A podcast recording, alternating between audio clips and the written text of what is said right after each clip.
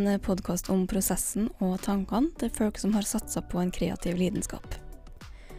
Jeg er en sjølutnevnt forvirra kreativ som ikke vet helt hvor jeg skal.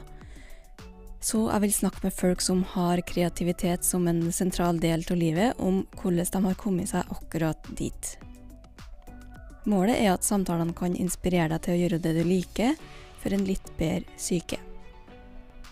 Jeg heter Elise. Velkommen til Mental Art. Gjesten min i dag det er Renate Nipe. Hun er en klesdesigner fra Vestlandet som står bak eh, et klesmerke som heter I lag.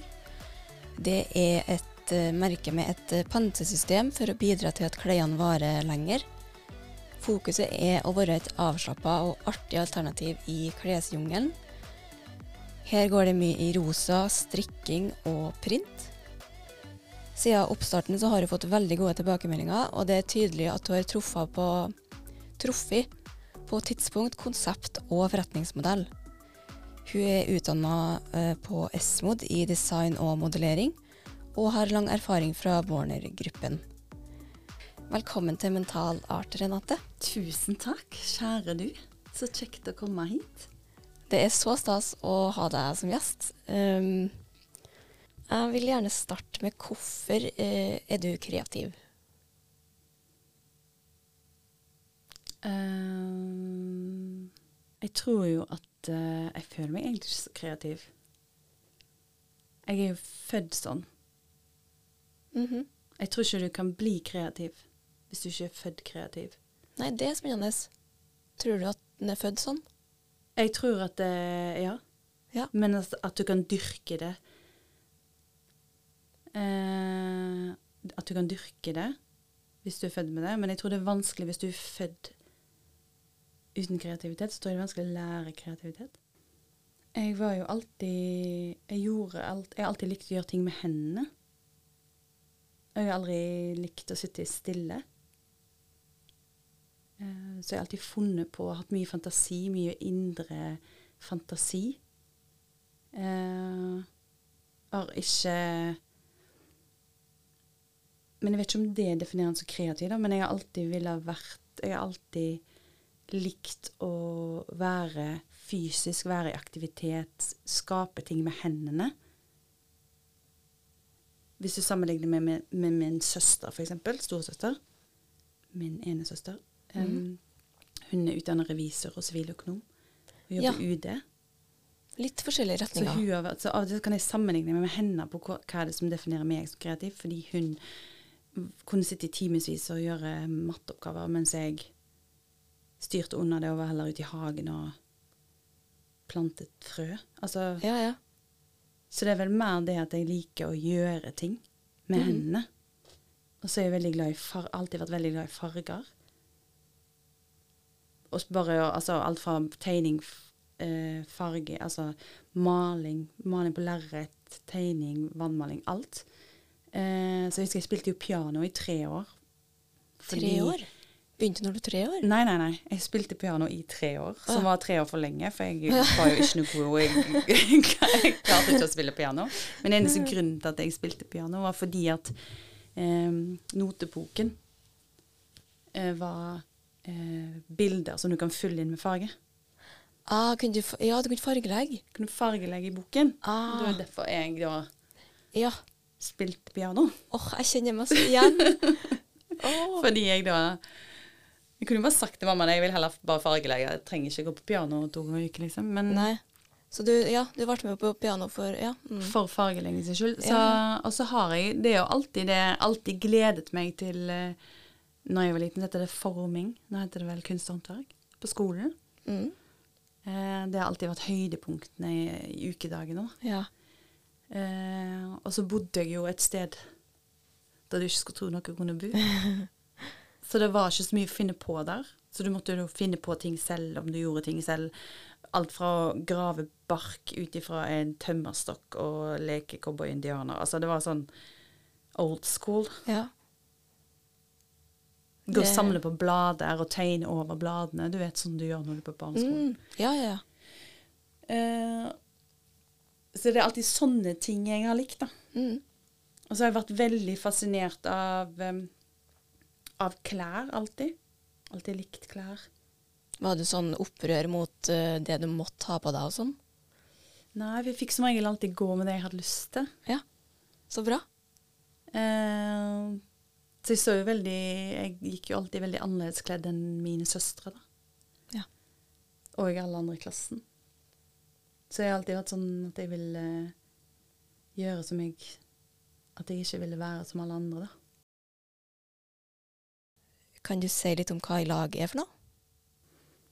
Ja, altså I lag er jo I lag jeg jo født. Det ble litt over to år. Ja. Koronabarn. Det er en liten koronababy. Så det var Mm. ikke planlagt at det skulle være en koronababy. Men, men jeg startet jo prosessen eh, før. Så Ja. prosessen med merket begynte jo i 2019. Eh, og da ville jeg lage et klesmerke. Det var før jeg visste det kom til å hete I lag. Men jeg ville lage et klesmerke som hadde en mer gøy og mer bærekraftig tilnærming. Hvorfor det? Fordi at jeg syns det manglet. Og så kom jo jeg òg fra en bransje som jobbet på en helt annen måte. Så jeg tenkte hvis jeg skulle starte noe eget, så måtte det ha en mer bærekraftig eh, grunnmur, da. Mm. Eh, og derfor søkte jo jeg Innovasjon Norge om jeg kunne få støtte av de, med at jeg da hadde en returordning på produktene, hvor jeg da eh, reselger det jeg får i retur fra kunden. Så hvis du som kunde kjøper en frakk, om fem år tenker at den bruker du ikke lenger, av ulike årsaker, så kan du da returnere den til ilagela.com. Så vil den bli renset og reparert, eller redesignet til et nytt produkt. Eller et gjenbruksprodukt som seg selv, eller som frakken, til en lavere pris. Eh, Ja. Og eksempel hvis vi får inn mange kjoler, så kan du da lage en ny metervare og sy nye kjoler og selge. Det som jeg òg gjør, er at jeg lager produkter som er laget av eh, overskuddsgarn og overskuddsstoffer. Mm. Hvordan funker det? Hvor får du tak i det, skal du si? Det har jeg jo som merchandisere. da. Eller jeg samarbeider jo med fem fabrikker. Jeg har to fabrikker i Sør-Kina, så en i India. Eller jeg, det er jo ikke mine fabrikker, men jeg samarbeider. Ja. Så er en i Prado i Italia, så en i Izmir i Tyrkia. Oi. Eh, og alle disse her hjelper jo meg. Vi har et veldig tett samarbeid. Så jeg brukte jo seks-åtte måneder ish til å finne disse fabrikkene. Eh, og da fikk jeg god hjelp av folk jeg kjenner i de landene. Så det, det har sine fordeler med å ha jobbet mange år i bransjen, at du har mye stort nettverk, da. Mm. Um, og det, ja, alt er jo, det er jo basert på tillit, ikke sant? Mm. Så ville jeg jo ha fabrikker som var små, de skulle være mindre enn 100 ansatte. Eh, De skulle ha sertifikasjoner Ja. eh, og være sertifiserte. Og at, eh, så jeg får jo sånn eh, årlige rapporter om fabrikkene. Hvordan de har det, hvilken lønn de har, hvor gamle de er, osv. Mm. Eh, sånn så jeg vet at det de har rettighetene sine på plass, da. Så er det jo sånn, man kan jo aldri ta hund, altså, alt for god fisk. Nei, absolutt ikke. Men du har jo gjort eh, Men, veldig ja. god research og så har jeg veldig tillit til de jeg jobber med. Det, det, de snakker jo med de snakker, Jeg chatter jo med de daglig. Ja. Um, så den ene fabrikken jeg jobber med, den er veldig fin. De er veldig søte. De der um, Alle vannet de bruker i produksjon, er fra monsunvann. Uh, Hva og- betyr det? Nei, det er re- regnvann. Å, OK. Mm. Ja. Samt at de har ehm, eh, hele fabrikken er solcelledrevet. Oi. Det gjør jo at ting òg blir ganske dyrt. Så det er en ganske dyr Ja. fabrikk. Ja. Men de er veldig, veldig flinke. Mm. Um, og bruker lang tid på produktene. For det ser du at det er veldig bra finishing og sånn på produktene. Da. For jeg vil jo at produktene skal vare. Hva tenker du om å lage flere klær i ei tid hvor vi får høre at det produseres veldig mye klær? Men jeg har jo en litt sånn ambivalent følelse til det. Fordi det produseres jo altfor mye klær. Og så produseres det jo òg veldig mye klær som faktisk ikke blir solgt. Mm. Som bare ligger på et lager. Ja. Um, men så kan du se det på en annen måte, da, at man heller bør si ja takk til produkter som er eh, produsert på en mer bærekraftig måte, hvor den kommer fra fabrikker som er etisk forsvarlige, um, og man da ikke produserer opp nye stoffer i fleng. At man bruker av det som allerede er brukt. Mm. Så det er jo eh, det å komme med et mer bærekraftig og gøy, avslappa everyday wear-tilbud til eh, kunden, da. Mm. Hvordan har tilbakemeldingene vært? De har vært veldig bra. Ja. Det var litt sånn overveldende i begynnelsen. For jeg visste jo ikke I don't know. Du bare gjorde din greie, og så bare Ja, det var veldig overveldende. Ja. Eh, det var Jeg klarer ikke å forklare det. Det var sånn all, Jeg ble ringt ned av butikker. Og det var jo òg mye på grunn av det jeg hadde noen strikkede alpakkahalser mhm. De har sett. som alle ville ha. ja. Og som åpnet veldig mange dører for meg i Norge. Eh, altså butikker, da. Ja. Så, så jeg fikk en veldig bra start. Fikk mye hjelp fra den halsen. Det var veldig gøy. Ja. At den så rar ting, egentlig. Alle ville ha det. Ja. ja, for det, jeg føler at eh, Ja, det var Og det var jo ikke noe nytt. Nei. Jeg hadde jo lagd det flere ganger før i det andre firmaet jeg jobba i. Ja, Men altså. altså typ lignende styles, da. Mm. Var det like farger og sånn? Mm, ja, men det ble aldri kjøpt inn av innkjøperne. Å nei. Så det ble, det ble laget opp i prøvekolleksjon, men så var det ingen som kjøpte det inn. Å, Men så når jeg det- da lanserte når det, så bare boom. Ja. Oi, det er litt kult, Ja. da. Jeg fikk det til så mye bedre sjøl, liksom. For så var det òg at den var ganske dyr, egentlig, den halsen. Eh, men så hadde jeg minimum, da. Det er, veldig, det er ikke vanlig å ha minimum når du lanserer et brand, men da hadde jeg minimum at alle butikkene måtte kjøpe ti av hver farge. OK. Eh, som da gjorde at jeg fikk en bedre pris, og kunne sette prisen lavere da, til forbruker. Mm. For jeg syns det å betale 1300 kroner for en hals er altfor dyrt. Ja. Så da eh, priste jeg det til 700, så ofret jeg min egen margin. Og det òg viste seg å være veldig positivt, fordi det gjorde jo at alle ville ha den halsen. Ja. Og så var det òg en veldig, veldig bra pris. Ja. Eh, så tilbakemeldingen vil jeg si har vært bra. Eh, jeg har jo de to Altså, jeg har jo bare drifta i korona. Ja.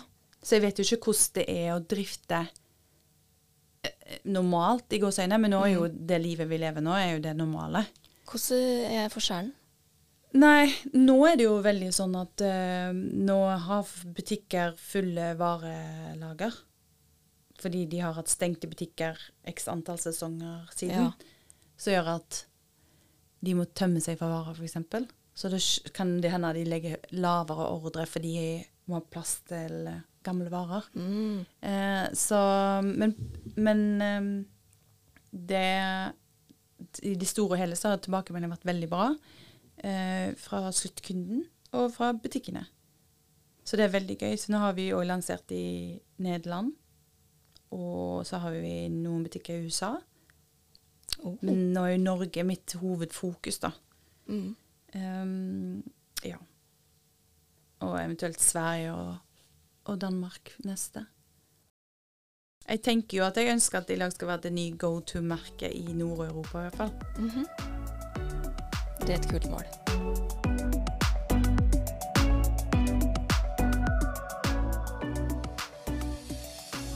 Når i designprosessen nå har du det best? Hva er det du liker best med prosessen du bruker? Jeg liker jo veldig godt den research-prosessen for å finne ut hva som skal være inspirasjonen. Du er sånn moodboard på Pinterest og For søke søker og Ja, lete etter ting. Se, spesielt se etter stoffer. Føle, ta på stoffene. Eh, se på fargekombinasjoner. Og så når da jeg har samlet all info, altså i form for bilder, materialer osv., så, videre, så hvor jeg da setter meg ned og prøver å skape en følelse, da. den, det liker jeg veldig godt å gjøre. Mhm. Det konseptuelle rundt det. Ja. Eh, men så òg å sette fargeskaller, f.eks. Det er sykt vanskelig, syns jeg. Ja, Du er sikkert eh, jeg syns det er kjempe... Jeg elsker det. Ja. Det er jo kanskje farger jeg føler meg tryggest på. Mm. Hvordan har du blitt det? Vet ikke. Det er en sånn intuitiv Det funker, liksom. Jeg jobber kun intuitivt. Altså, jeg legger aldri plan på fargeskala. Nei. Det er kun det som føles riktig i magen. Mm. Um, ja. Det må, jeg følger alltid magefølelsen. Så det er vel den delen jeg liker best. Og så liker jeg jo selvfølgelig når det kommer nye Når jeg får nye ullstoffer, f.eks. Swatches, som det heter. da, At de får en Ja. firkant med det garnet, eller en rull med det garnet. Det jo liker jeg. Altså jobbe og ta og føle på de tingene. Når, du, når du får det i hendene, liksom. Ja, og så selvfølgelig grovkyssingen med blyant. Mm. For jeg grovkysser alltid først, før jeg da tegner de tekniske tegningene. Så den, den følelsen òg, å få eh, det jeg har i hodet ned på papir, er jo veldig Ja, liker jeg veldig godt. Jeg, har, jeg jobber på en måte som at jeg bruker ganske lang tid i hodet på designet. Ja. Så kan jeg ta to dager på tegn ut. Ja. Så jeg setter meg aldri ned med et bord og skal finne på en style. Stylen er ferdig i hodet. ja. Du har brukt eh, to uker, eller hva det er, på liksom eh, knadd ideen i hodet. Lenger enn to, langt, mye lenger enn to uker sikkert òg. Ja, OK. Ja. Hvor jeg da har en bilde eller en film eller en, et produkt i hodet, da, eller et stoff. Mm. Og så når jeg da kysser, så er det veldig liksom lett fordi at jeg har alt i hodet. Det vanskeligste er hvis du får et oppdrag. 'Hei, skal du tegne en blazer?' Den skal være i den kvaliteten og den. Det er sånn uh, Ah, du Det syns jeg er tungt. Du Nei, får ramma. Ja, jeg, ja, det skjer jo ikke nå, da. Nei. Nå setter jeg jeg rammen selv. Men Mm. eh, i de siste 15 årene så har jo det skjedd en del ganger. Ja. At man får et oppdrag, da. Mhm. Det kan jo av og til synes på produktet, for produktet er da ikke på en måte eh, så mye, ikke så mye lidenskap i produktet. Da. Jeg syns dere får det til å se veldig sånn lett og lite, lite stivt ut på bildene. Er det Mm. veldig sånn Tar det veldig mye tid å, å ta bilder og en shoot og sånn, eller eh, er det litt sånn ta det på feelingen, hva som funker der og da, eller er det godt planlagt? Ja. Eh, det spørs Altså, jeg har jo Nå har jeg to forskjellige typer shoot. Jeg har de shootene hvor jeg da tar bilde i studio av produktene på modell. At hun Mm. liksom står nesten rett opp og ned. Så det er fokus på produktbildene. Mm. Eller produktene i seg selv. Da har jeg to fotografer som tar bilde. Så har jeg en makeupartist og modell, så klart. Og så er det meg. Mm. Og det er veldig liksom planlagt. Ja. Alle møter opp da, det skal se sånn og sånn ut. Jeg bruker dagen før eller to dager før på å style ferdig produktene og sørge for at alt blir tatt bilde av. Men på image shoot, som er det jo mer bildene som er mer sånn kampanje. I hvert fall når det skjer på Instagram. Ja, de bildene det- som blir brukt på Instagram, Ja. de er eh, Jeg tar jo alle bildene selv. Frem til for eh, to måneder siden. Er det fortsatt alt mulig kvinne i Ja. selskapet? ja. Ja. Men nå, eh, bildene som er tatt i august og september nå, da har jeg hatt ei Pernille Haugen som har tatt bildene. Mm. Eh, men jeg, jeg har tatt alle bildene selv frem til nå. Det er vel tre ganger jeg har brukt, eller fire ganger jeg har brukt en ekstern fotograf. Eh, og når jeg tar bildene selv, så er det jo veldig sånn OK, modell, smink deg selv. Jeg tar bildene. Mhm. Så du styrer, og antrekkene, så da styrer de jo alt selv. Ja. Og da klarer jeg jo å få frem følelsen jeg har i magen, sant. Mm. Det er vanskeligere for meg da å liksom coache en, eller forklare en fotograf en følelse. Ja. Så da gjør jeg det som regel med et moodboard, da. Ja. ja, ja. Eh, og hun jeg har jobbet med de siste gangene, er veldig veldig flink. Så hun er mer sånn at jeg ikke gir så mange directions til. For hun skjønner i lag på en Ja, måte. ja. Okay, Og så er fint å få en annen innfallsvinkel. For jeg Mm. kan jo bli litt sånn control freak når det kommer til de tingene. Som jeg kanskje må slippe litt mer og mer nå, da. ja, ja, det er sikkert litt vanskelig når du har hatt full kontroll eh, fra start. Ja. Og så hadde jeg eh, I oppstart så hadde jeg flere involverte, men det funka ikke så bra fordi at jeg sikkert da er så bestemt på hvordan jeg vil at det skal se ut, da. Mm. Og jeg redigerer jo ingen bilder. Jeg har Gjør ingen du? Nei, nei. Seriøst? Ja, ja. Ja, så sånn alt med airbrush og redigering, det er no, no, no, no. Mm. Jeg liker ikke sånn glossy det synes, Jeg vil at ting skal være mest mulig ekte. Ja. Jeg heier på det. Ja. Ja. Så jeg kan jo På noen bilder, eksempel, hvis bildet er veldig mørkt, så kan jeg ta litt lys på det. Mhm. Men jeg går aldri inn og, og liksom gjør ting Stramt. strammere og finere. Og, eller finere, jeg vet ikke om det er finere. Men jeg tukler ikke med bildene, da. Mm. Ting må være ekte. Det er veldig viktig for meg. Når lager du best arbeid? Når jeg er uthvilt, da funker hodet mitt bra. Og da, og hvis jeg har gått Hvis jeg på en måte tømmer hodet, da, Mm. og har plass til å fylle det opp med visuelle ting, da, Ja. da er jeg kreativ. Men jeg sitter ikke og venter eh, på å bli kreativ. Nei. Fordi arbeid avler jo kreativitet. Så når jeg setter meg Jeg er ikke sånn Jeg er føler meg ikke kreativ i dag, jeg er ikke motivert. Så kan ikke jeg bare lene meg tilbake og vente på kreativiteten. Det gjør jeg ikke. Så jeg går jo inn Da er det sånn OK, går jeg inn og searcher på noen bilder, eller jeg begynner å se på stoffprøver. Jeg begynner å bla i gamle samples. Et eller annet. Begynner å skisse. aktivt, da. Hm? Du gjør noe aktivt, da. Jeg går aktivt inn for å få den flowen, da. Ja. Finner du den som oftest? Ja, den kan jeg finne. Ja. Så sender jeg melding til samboeren min. Jeg er i flow. Jeg blir på jobb, for Ja. eksempel. ja. For jeg liker ikke å bryte flowen. OK, så når du er i flow, så er det sånn Ikke kontakt meg. Nå må jeg ha flowen min, liksom. Ja.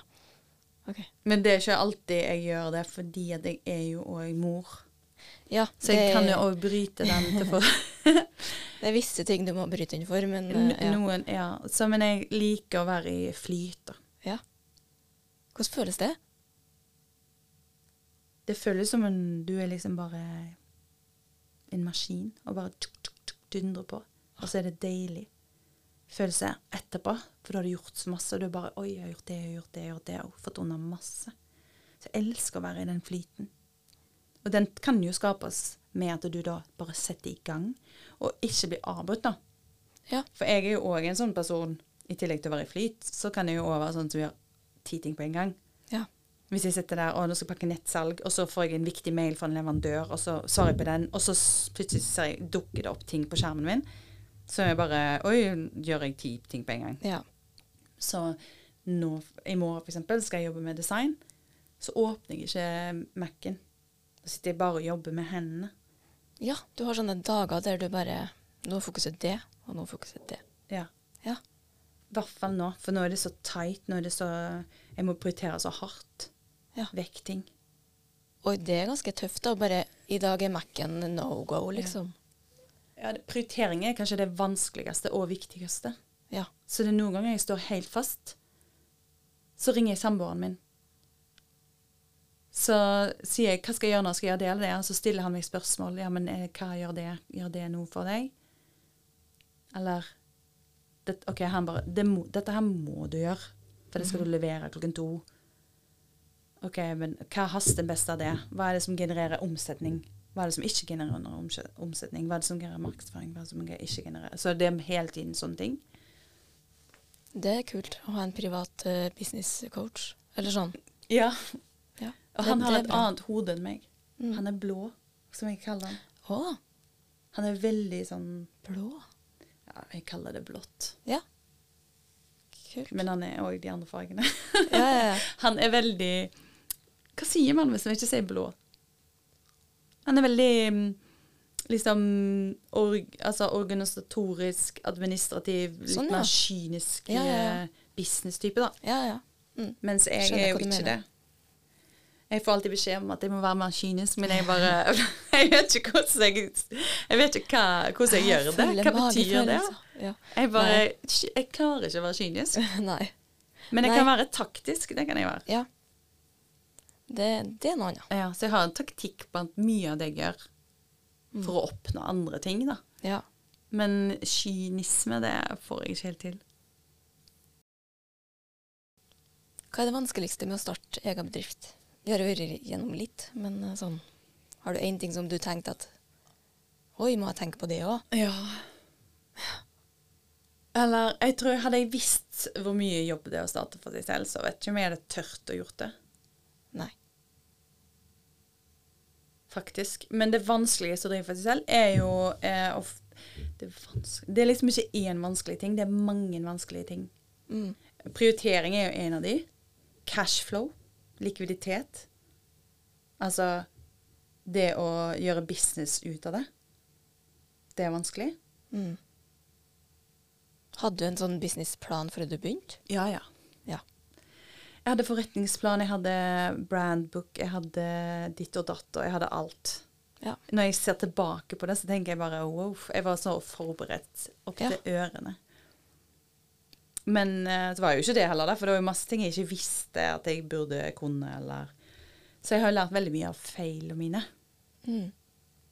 For jeg har gjort masse feil. Så bare oi. For eksempel. For eksempel For eksempel så skulle jeg ha eh, et logistikkfirma til Ja. å ta imot en stor forsendelse med mange tusen pieces av produkter. da. Fordi det kom når jeg hadde innsalgsmøter. Så da ringte jeg til de, og så fikk jeg en pris. Og så tenkte jeg selv ja, den jobben gjør jeg på tre dager selv. For jeg har jo gjort det før. Mm.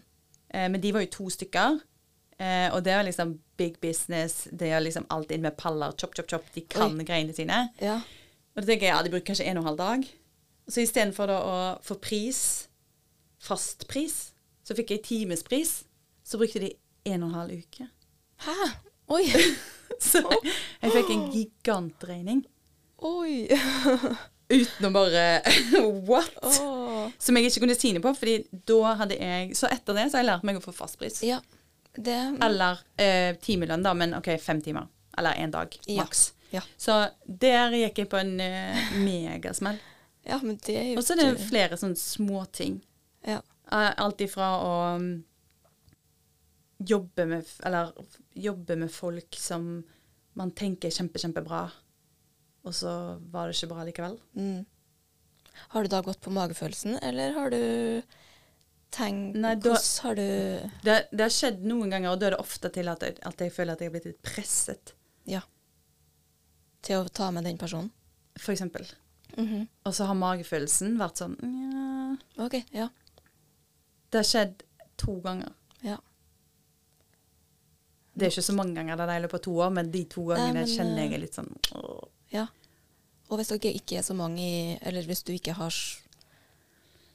Du har sikkert mange samarbeidspartnere, men hvis du skal være mye med en person, da, så er det jo viktig for deg at det, det funker. Ja, og i hvert fall hvis det er et oppdrag da den personen skal gjøre for deg, Mm. så, og det koster masse penger, og så bare funker det ikke. Mm. Så jeg lærer meg jo veldig sånn at alt må være, alt må være på plass med tanke på kontrakter, f.eks. Ja. Eh, og at jeg ikke skal la meg sjarmere av folk som er gode selgere, f.eks. For, jeg er vel, ja, der kan jeg være litt sånn naiv og tenke at alle vil mitt beste. da. Har du noen inspirasjonskilder? Inspirasjon til i lag er jo fra Norge. Altså, og alt av foto og så videre, og all samarbeidspartnere og så videre. Det, alt, alt skjer på norsk sokkel, da. Eh, så de første kolleksjonene så reiste jeg jo rundt og fant inspirasjon fra naturen, da, eller steder. Mm. Men det kan òg være norske personligheter, f.eks. Ja. Um, men um, Så den første kolleksjonen jeg lagde, den var inspirert av eh, mitt heimsted i Sunnhordland. Og jeg vet ikke om du husker det, men vi hadde noen sånn fiskeprint. Jo, For det var mye fisk ja. Og så hadde jeg andre kolleksjonen. Den var inspirert av Oslofjorden. Det er typisk meg, da. Mm. Jeg henter alltid inspirasjon fra havet, da. Ja, er det en sånn uh, god ting? Ja, for meg er det det. Ja. Um, jeg er jo oppvokst med sjøen, eller havet. Så jeg har en veldig sånn trygghetsfølelse i sjøen. Mm. Eh, så. Ja, så nesten alle kolleksjonene jeg har, jeg har jo da vært inspirert av et sted, sånn som en kolleksjon som er ute nå. Um, den henter I bølgene i lag. Da dro jeg til Stad. Surfeplassen? Mm. Ja. Jeg surfa jo da, det så ikke bra ut, men det føltes bra ut. men eh, eh, Så den kolleksjonen er inspirert av selve, ikke bare Hoddvika, men liksom området rundt. ja. Eh, pluss at vi bodde på et sånt surfhouse, Akka House. Til hun dama? Anna, Ja. kjenner du hun? Jeg kjenner ikke henne, men jeg har en bror som har vært der, og han har bodd der, tror jeg, og Ja. var veldig fornøyd. Ja, altså, hun er jo musen til denne kolleksjonen som er i butikk. Så Er derfor jeg har jeg så mye strikkesokker og strikkekjoler, for hun går jo bare rundt i Ja. det hele dagen. Å, så med noen bir Birkenstock som er full i saltvann, og så en dunjakke. Så Åh. den dunfrakken jeg har på meg i dag, er inspirert av henne. Mens den kolleksjonen som lander i butikk i februar, den designet jeg jo når eh, Putin invaderte Ukraina. Så Oi. jeg bare var Jeg klarte ikke å gjøre noe. Jeg var helt sånn apatisk i en uke. Jeg ble så Ikke redd, ble jeg, men jeg ble sånn Herregud, hva skjer i verden nå? Her sitter jeg og lager klær. Not important. Så jeg mistet på en måte den Meninga? Ja. Eller Ja. Men så klarte jeg å snu det til at ok, denne kolleksjonen jeg skal lage nå, skal være den mest positive, optimistiske og glade kolleksjonen. Den skal få Når du bruker plaggene fra den kolleksjonen, så skal du føle deg selv, og folk skal se deg og bli glad. Så det var på en måte Derfor for eksempel er jo et av hovedprintene et skyprint. -hmm. Blå himmel med skyer på. Hvor da skyene eh, er, Noen av de er figurer. Du husker den følelsen når du ligger på bakken når du er liten og ser opp mot eh, himmelen. Mm. Så blir skyene f.eks. en hval eller en hest. Ja. Um, Å, så fint. og blå himmel er jo òg tegn på fred. Ja. Når Vogue lanserte første magasinet etter andre verdenskrig var over, så var coveret bare blå himmel. Uten bombefly. Oi. Så det har en veldig sånn Sterk. sterkere mening, da. Ja. Og så er det en veldig sånn Selv om er, har mye farger, så er den mer rolig og dempa. Den er ikke så bråkete, da. Mm. Eh, Kommer den til våren? mm, Ja. mye hvitt og Ja. gult og lys, lys blått og lys mint. Mm. Og beige og sand. Det er en veldig, sånn, ja, veldig fin fargeskala. Det var veldig gøy å lage den fargeskalaen. Åh, Og printene. Veldig gøy. Ja. Um, så den kolleksjonen er den første kolleksjonen eh, hvor jeg ikke har hatt steder som inspirasjon, men Mm. mer en følelse, da. Ja. Eh, kolleksjonen heter bare 'Være i lag'. Åh, Så, oh, så fint. ja. så eh, nå holder jeg jo på med AV, altså Autumn Winter 23, Mhm. as we speak. Eh, jeg har ennå ikke spikret tematikken der ennå, så jeg er midt i det. Ja. Men det blir noe mer en følelse, det òg, enn et konkret sted, da. Det er veldig gøy. Spennende. Mm.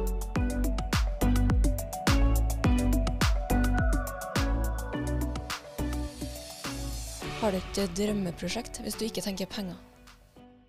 Jeg tenker jo at jeg er i det, så jeg klarer ikke, når du spør meg, så klarer jeg ikke å svare deg. Mm. Drømmeprosjekt. Jeg er nok ikke i drømmeprosjektet hver dag, Nei. men litt hver dag. Tenker jeg. Mm. Men altså, nå gjør jeg jo det jeg drømte om for uh, mange år siden. Men selvfølgelig så drømmer man jo om vekst i Norge, Skandinavia, at flere og flere vet om i lag, og at eventually så blir gjenbrukskolleksjonen den viktigste kolleksjonen. Mm. Ikke den kolleksjonen som slippes en gang i halvåret. For det er vel kanskje drømmeprosjektet, da. Har kreativiteten noen gang hjelper deg med å komme gjennom noe tungt? Tunge perioder?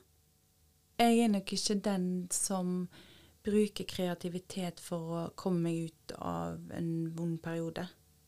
Jeg er mer den som går tur i skogen, bader. Jeg bader hele året. Det gir meg masse. Er du en sånn isbader? Ja. Oi. Eller jeg bader, vil jeg si, for jeg bader hele året. Ja. Det er heftig. Um, men jeg så, Og det gjør igjen at jeg blir kreativ. Så for noen år tilbake så var jeg jo helt utbrent. Ja. Og det som fikk meg opp og nikke igjen, var faste rutiner.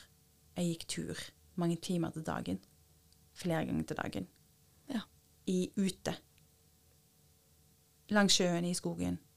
Tur, Bare- tur, tur, tur. Tenkt, eller hørte du på ting, eller? Hør, nei, bare ikke tenke, egentlig. Mm. For å tømme hodet for destruktive tanker, eksempel. Ja. Men uh, det og eh, yoga. De, og etter det så har nok de type tingene blitt veldig viktig for meg. Spesielt det å gå tur, eller bare gå ute. Se Mm. på sjøen, lukte på sjøen. Hva gjør det med deg? Det gir meg en veldig ro, da. Har du fått et annet syn på hvordan du legger opp dagene dine, f.eks.? Mm, nei, altså det som det har endret, er jo at jeg har roa ned.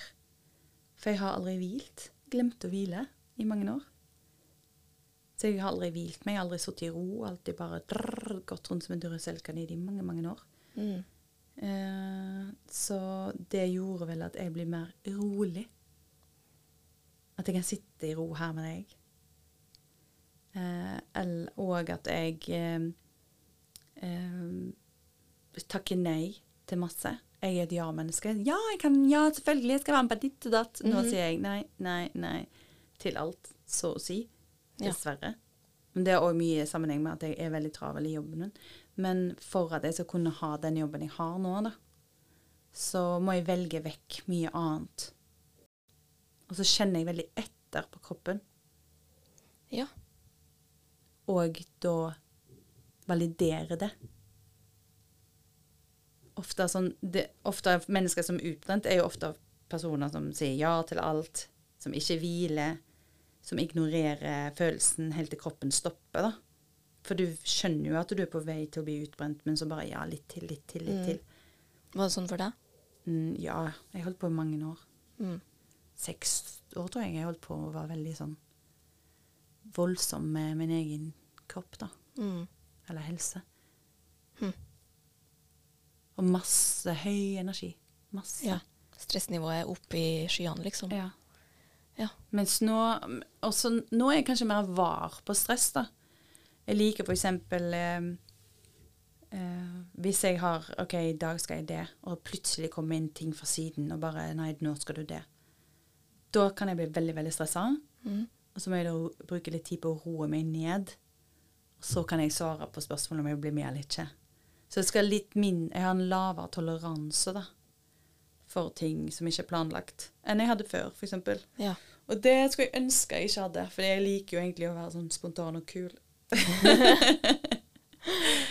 ja. Mens nå er jeg mer som en gammel dame som bare må ha de samme rutinene hele tiden, for ellers så går hun helt av skaftet, liksom. Jeg tror ikke du er den eneste som har funnet at eh, den spontane personen som skal være med på alt, eh, funker ikke i lengden. Det, så det er ikke noe Jeg tror ikke det er noe unormalt. Og så, spiser jeg på en helt annen måte nå enn før. Ja. Altså sånn faste Jeg spiser mer, mye mer mat enn hva jeg gjorde før. Så når du stresser, vet du, så glemmer du glemmer du som primærbehov som å drikke og spise. Ja. Og det er jo ikke så bra. Eh, og så sover jeg masse. Jeg legger meg ganske tidlig. Sånn som i går, så gikk jeg og la meg klokka ni. ja. Det er veldig tidlig. Det er tidlig, men det er sikkert veldig godt. Ja. Men så våknet jeg jo fem, da. Det er det, da. Men Ja. jeg liker, jeg liker Altså det å jobbe, for eksempel Det er ikke så ofte jeg gjør det, da. Det går veldig i perioder. Og nå når det er så mørkt ute, gjør jeg det ikke. Men det å våkne seks, være på jobb halv syv, og så jobber jeg frem til åtte Du får gjort så veldig mye mer da, på den en og en halv timen enn Mm. hva du f.eks. gjør fra tolv til to. Men det høres ut som du har tatt med deg noen ting som gjør at du har, har litt bedre, da. Ja. Og så tror jeg Jeg skulle ikke vært den tid, perioden foruten, egentlig. For nå vet jeg jo hvor grensa går, og hva ting man ikke bør gjøre. Hva ting man kanskje bør Eller jeg må gjøre, da. Mm. Og at det, det er veldig lurt å ta en pause innimellom. Er det litt sånn derfor du har laga noe eget òg? At du kjenner at uh, nå må jeg ha en endring her, og det funker ikke helt å endre Det blir for lite å endre ting på min nåværende arbeidsplass, på en måte. For noen kan jo uh, være utbrent og så få litt tilrettelegging på arbeidsplassen og synes det er kjempefint. Men så føler jeg det er mange som deg som kjenner at nå må jeg gjøre noe helt annet, på en måte. Kommer det fra utbrentheten, eller kommer det fra et annet ønske? Nei, det kommer fra et annet ønske. Det kommer ikke fra utbrentheten. Nei. Og jeg har jo egentlig siden jeg begynte på Esmod i 2009, Mm. så tenkte jo jeg at jeg skulle gjøre noe eget Mm. en gang i fremtiden. Men og det å starte for seg selv, det er jo som å få barn. Det passer aldri. Nei. Du må bare gjøre det. Hvis ikke så så gjør du det aldri. Mm. Så du må bare hoppe i det, da. Ja. Og så går det ikke, så går det ikke, og går det, så går det. Så det er liksom Du må i hvert fall ha prøvd. Hvis man går inne med den tanken at man vil gjøre noe eget. Det verste som kan skje, er at du går glipp av en megasuksess.